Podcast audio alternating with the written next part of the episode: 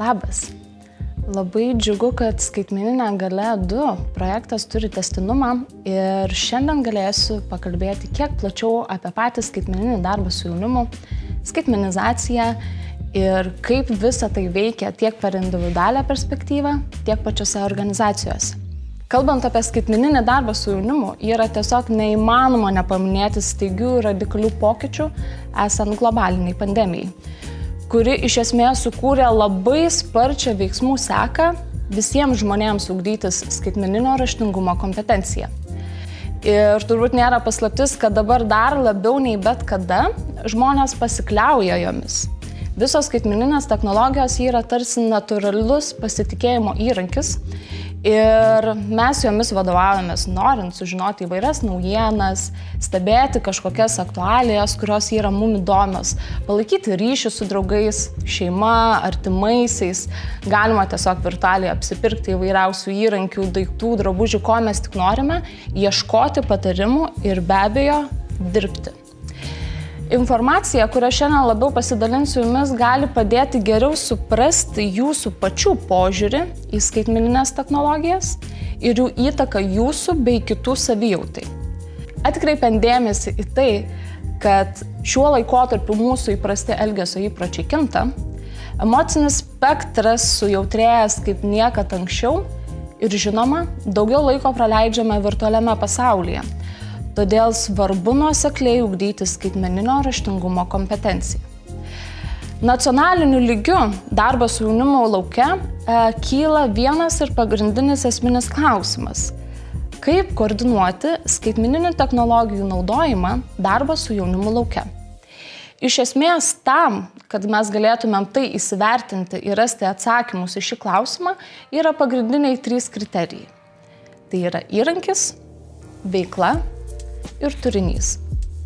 Vienas iš praktinių pavyzdžių, kuris lengviau padės suprasti, kaip šiuos tris kriterijus integruoti į savo kasdienį darbą, tai pavyzdžiui, turime įrankį Just Dance appsą, e, kurį galime parsisiųsti kiekviename savo telefone. Tai yra skaitmeninis įrankis.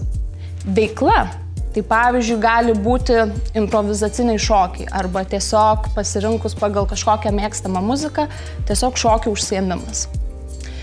Turinys konkrečiai jau čia yra tiek fizinė veikla, tiek emocinė iškrova, kitaip tariant, tas pats šokis, tik tai jisai apsijungia į grupinį ar individualų užsiemimą priklausomai nuo pačių jaunų žmonių ar jaunimo darbuotojų poreikių ir galimybių, kurios yra tame jaunimo centre. Tokiu principu mes integruojame skaitmeninį įrankį į veiklą, atliepiam turinį ir pačių jaunų žmonių poreikį. Ir čia turime skaitmeninio darbo su jaunimu vykdymo pavyzdį. Tačiau skaitmeninis darbas su jaunimu reiškia aktyvų skaitmeninės žiniasklaidos ir technologijų naudojimą ar jų sprendimą dirbant su jaunais žmonėmis. Ką svarbu suprasti, kad skaitmeninis darbas jaunimu turi iš esmės tuos pačius tikslus kaip ir aplamai darbas jaunai žmonėm.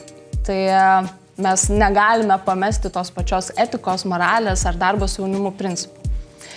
Uh, integruojant skaitmeninį darbą su jaunimu į kasdienę mūsų darbo aplinką, mes galime suprasti tokius esminius dalykus, kad iš esmės tai gali vykti ir akis į akį formatu, kai mes esame gyvai jaunimo centre, turime tiesioginį santykių su jaunai žmonėmis arba tai gali būti organizuojama virtualioje erdvėje. Dar vienas dalykas, galima tiesiog šiuos abu du metodus taikyti mišrių principų. Tai reiškia, kad galima ir organizuoti veiklas virtualiai, pavyzdžiui, transliuoti tiesiogiai su jaunai žmonėm, kur vieni yra gyvai, kiti, pavyzdžiui, prisijungia virtualiai, arba tiesiog kūrybiškai galima prisimastyti dar įvairiausių kitų principų. Skaitmeninės technologijos gali būti darbo su jaunimu įrankis, veikla arba turinys. Tai tie nuostabūs trys esminiai kriterijai. Skaitmeninės darbas su jaunimu yra pagrystas ta pačia etika, vertybėmis ir principais, kaip ir bet koks kitas darbas su jaunai žmonėmis. Labai svarbu įsisamoninti tai ir tiesiog to nepamesti, vykdant būtent šitą darbą su jaunimu formą. Turbūt nėra paslaptis, kad iš pradžių darbas su jaunimu laukia, kalbant apie skaitmeninio darbo su jaunimu svarbą, buvo sulaukiama labai įvairių reakcijų. Tai išvelgiant tiek pliusų, tiek minusų ar kažkokių specifinių grėsmių. Tačiau remiantis Pasaulio ekonomikos forumo steigėjo, e, valdybos pirmininko bei profesoriaus Klauso Švabo išvalgomis, kuris intensyviai nagrinėja technologijų proveržį, tai kitaip tariant mūsų ketvirtąją pramonės revoliuciją, jisai kviečia susimastyti apie inovatyvumą organizacijose. Jisai teigia, kad sėkmingų organizacijų hierarchinės struktūros bus keičiamos labiau į bendradarbiavimo formatus. Ir tai lems didesnę motivaciją tiek patiems darbuotojams būti toje aplinkoje, tiek dar labiau integruoti inovatyvumą į savo kasdienį darbą. Kartu jis akcentuoja skaitmenizacijos sąsąją su organizacijos veiklomis. Kitu atveju tokios struktūros, nesugebėdamas lankščiai prisitaikyti prie kintančių aplinkybių mūsų eksponentiškai besikeičiančiame pasaulyje, tiesiog laikui bėgant išnyks. Darbas su jaunimu laukia, veikiančios įstaigos siekdamos novatoriškumo bus pertvarkytos į lankstesnės ir veiksmingesnės struktūras, kurios dalinsis kokybę ir darbo efektyvumu su jaunais žmonėmis. Kaip ir anksčiau vykusiose technologijų revoliucijose, lemiamas vaidmuo dėgiant ir taikant technologijas atitenka reglamentavimui. Vyriausybės vienu ar kitu atveju pasiekia tokią ribą arba pasieks tokią ribą, kuomet privalės keisti požiūrį į teisės aktų rengimą, siekiant įgyvendinti inovacijų dėgymą ne tik vietiniu, bet ir nacionaliniu mastu. Mes visi Iš esmės gyvename dabarties akimirkos pasaulyje, kuriame viskas vyksta realiu laiku ir pagrindinė priežastis yra skaitmenizacijos galimybės. Kiekvienas jaunimo darbuotojas savo aplinkoje tikrai gali pastebėti, kaip dažnai jauni žmonės filmuoja ar fotografuoja save, naudodamėsi tikrai vienu iš populiariausių appsų, tai TikTok'ų, taip pat Snapchat'ų, Messengerių, Instagram'ų ar visomis kitomis programėlėmis. Ir savo asmeninę informaciją siunčia draugams, pažįstamiems ar kelia į vairias virtualias bendruomenės, pavyzdžiui, tam pačiam Discord'e. Ir visą tai gali pamatyti žmonės iš skirtingų pasaulio kraštų. Ir didžioji dalis jų net nepažįsta. Todėl skaitmeninis darbas su jaunimu turi ir kitą pusę. Tai ne tik tų pačių mano minėtų skaitmeninių įrankių integravimą, bet ir skatinimą jaunus žmonės atkreipti dėmesį į savo elgesio modelius, nagrinėti kartu su jais kritinio mąstymo svarbą, reflektuoti savo skaitmeninį bei fizinį identitetą ir analizuoti, kaip tai tarpusavėje saveikaujant daro įtaką mūsų visų emociniai sveikatai. Kalbant apie skaitmeninį darbą su jaunimu, yra integravimą į jaunimo centrus, organizacijas, Turbūt didžioji dalis iš mūsų pritartų minčiai, kad norėdami pokyčių mes turime pradėti nuo savęs. Aukščiau pavaizduotoje schemoje galite matyti, kad skaitmeniniai įgūdžiai bei vikrus mąstymas, agile mindset, yra esminiai kriterijai, kurie reikalingi skaitmeniniam darbui su jaunimu vykdyti. Ir tas pats mano minėtas Klausas Švabas akcentuoja, kad turėdami omenyje agile mindset, Kalbame apie individo mąstymo lankstumą ir gebėjimą prisitaikyti prie kintančių aplinkybių telematikos amžyje. Telematika kitaip dar žinoma kaip mūsų informacijos epocha.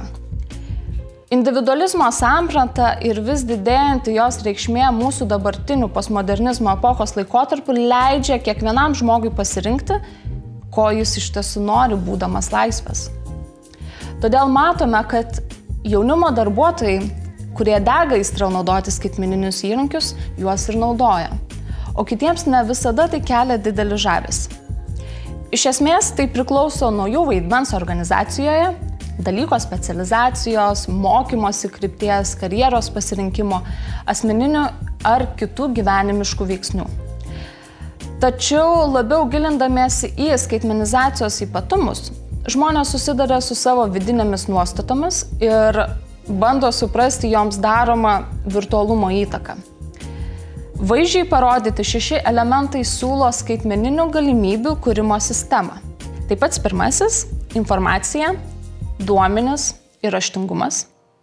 Antras - Skaitmeninis mokymasis ir tobulėjimas. Trečias - skaitmeninė kūryba, problemų sprendimas ir naujovės. Ketvirtas - skaitmeninė komunikacija, bendradarbiavimas ir dalyvavimas. Prieš paskutinis - informacinių komunikacinių technologijų žinios.